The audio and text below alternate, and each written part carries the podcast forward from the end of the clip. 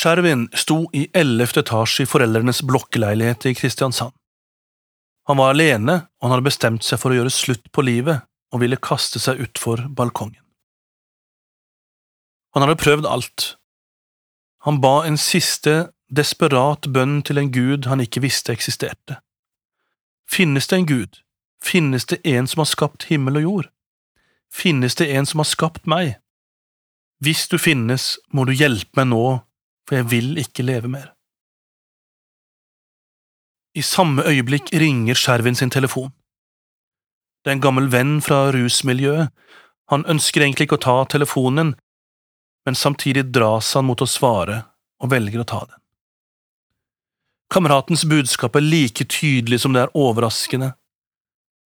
Han som har skapt himmel og jord, har tatt bolig i meg, jeg har blitt frelst. Den korte samtalen som følger skal bli livsforvandlende. Skjervin spør om kameraten kan komme til ham, og det viser seg at han allerede er på vei. Bare tre dager senere så har Skjervin selv tatt imot Jesus og blitt frelst. Det er mange sterke ting med denne livshistorien, og om du vil, så kan du høre Skjervin selv fortelle om dette i Norea sin podkast Good News, som du kan søke opp på Spotify eller på Norea sine nettsider.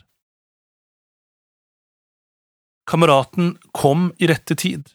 Guds ord kom til Skjervin i rette tid. Han var iransk flyktning og kom til Norge som 13-åring, og mange vanskelige ting i livet førte han inn i et rusmiljø der det bare gikk nedover, til denne dagen da han var helt på bånn. Kameraten som kontakta ham på telefon, hadde selv blitt kristen et par måneder tidligere, og på et kristent stevne hadde han truffet en annen iransk flyktning som hadde blitt kristen i Norge. Og kameraten delte sin nød for Sherwin, hvor den iranske mannen han eh, hadde kristne talekassetter og en iransk bibel og andre ressurser som han ga til Sherwin sin norske kamerat. Ser du Guds finger her? En iransk flyktning fra en unådd folkegruppe som har blitt kristne i Norge. Så traff han en nordmann som nylig hadde tatt imot Jesus, og denne nordmannen blir kalt av Gud til å ringe til sin iranske venn, som i samme øyeblikk står klar til å gjøre slutt på livet sitt. Guds timing, Guds ledelse, Guds ord i rette tid. Om et ord i rett tid står det noe utrolig vakkert i Salomos ordspråk 2511. Som epler av gull i skåler av sølv er et ord talt i rette tid. Fantastisk, og utrolig sant, det kan tale liv inn i menneskers liv, bokstavelig talt. Da Skjervin sin kamerat kom til leiligheten, hadde han med seg masse lydressurser på farsi, både lovsanger og forkynnelse, i tillegg til Bibel og Skjervin fikk for første gang i sitt liv høre kristen forkynnelse og kristen sang, og så var det på hans eget språk. Det ble livsforvandlende og starten på et helt nytt liv for Skjervin.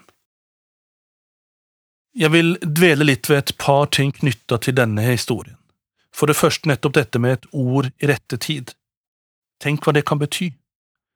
Denne telefonen fra Skjervin sin norske kamerat og det var selvsagt ikke tilfeldig at han ringte akkurat da, og at han svarte direkte på den bønnen Skjervin hadde bedt da han henvendte seg til skaperen av himmel og jord, uten å vite om denne fantes.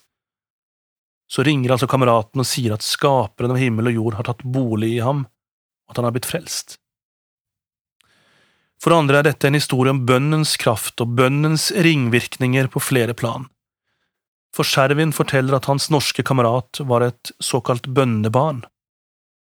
Nær familie hadde bedt for ham i alle de årene han lå under for rus og avhengighet. Og deres bønner blei hørt da kameraten blei en kristen. Men bønnene fikk jo ringvirkninger langt utover dette, fordi denne mannen også ble brukt til å lede Skjervin til tro.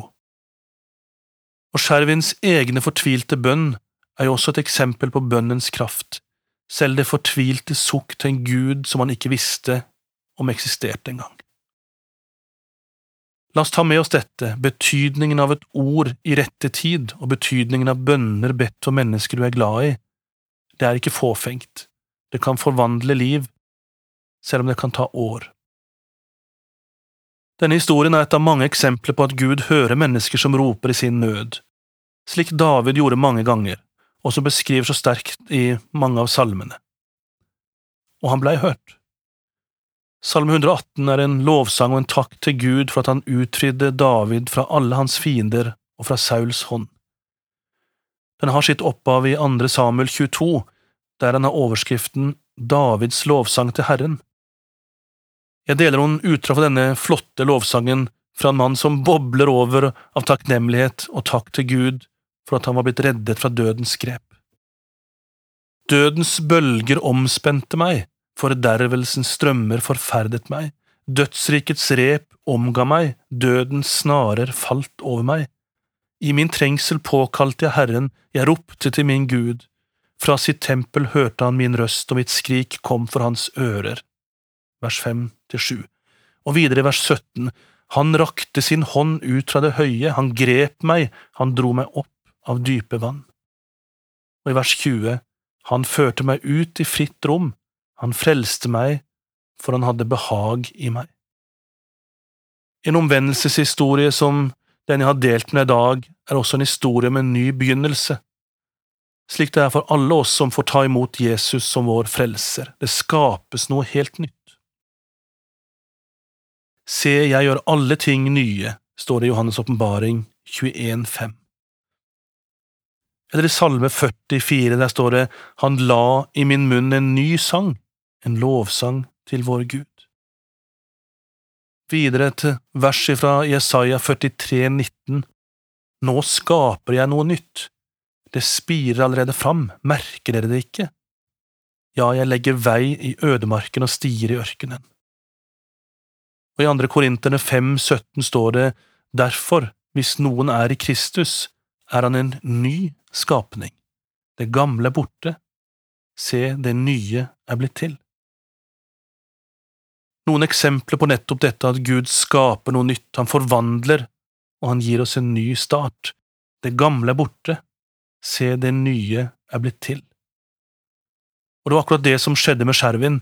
I det øyeblikk han tok imot Jesus i sitt hjerte, så forteller han at alt sug etter rusmidler forsvant i et øyeblikk, og han har aldri siden hatt lyst til å smake på noen rusmidler, ikke engang sigaretter. Han som hadde vært rusmisbruker i årevis. Og tre dager gikk det altså fra han ville kaste seg ut fra ellevte etasje for å gjøre det slutt, til alt var blitt nytt. I dag er han pastor på Sørlandet, han har opplevd vekkelse blant muslimske innvandrere og flyktninger her i Norge, der et hundretalls har kommet til tro på Jesus. Noen har måttet reise hjem til sine hjemland og er der blitt nye vitner for sine landsmenn i unådde folkegrupper. Og han har tatt i bruk media som et viktig virkemiddel for å fortelle nye mennesker om hvem Jesus er. Akkurat som kristen forkynnelse og lovsanger på hans eget morsmål var helt avgjørende for han sjøl når kameraten hans delte lydkassetter slik at han fikk lytte og lytte. Jeg elsker Herren, han hørte mitt rop om nåde, står det i Salme 116,1. Dette er Skjervin sitt vitnesbyrd. Det er mitt vitnesbyrd, og jeg håper at det også er ditt vitnesbyrd og derfor driver vi misjon blant unådde folkegrupper, fordi mange er i samme situasjon som Skjervin, uten håp og uten Gud.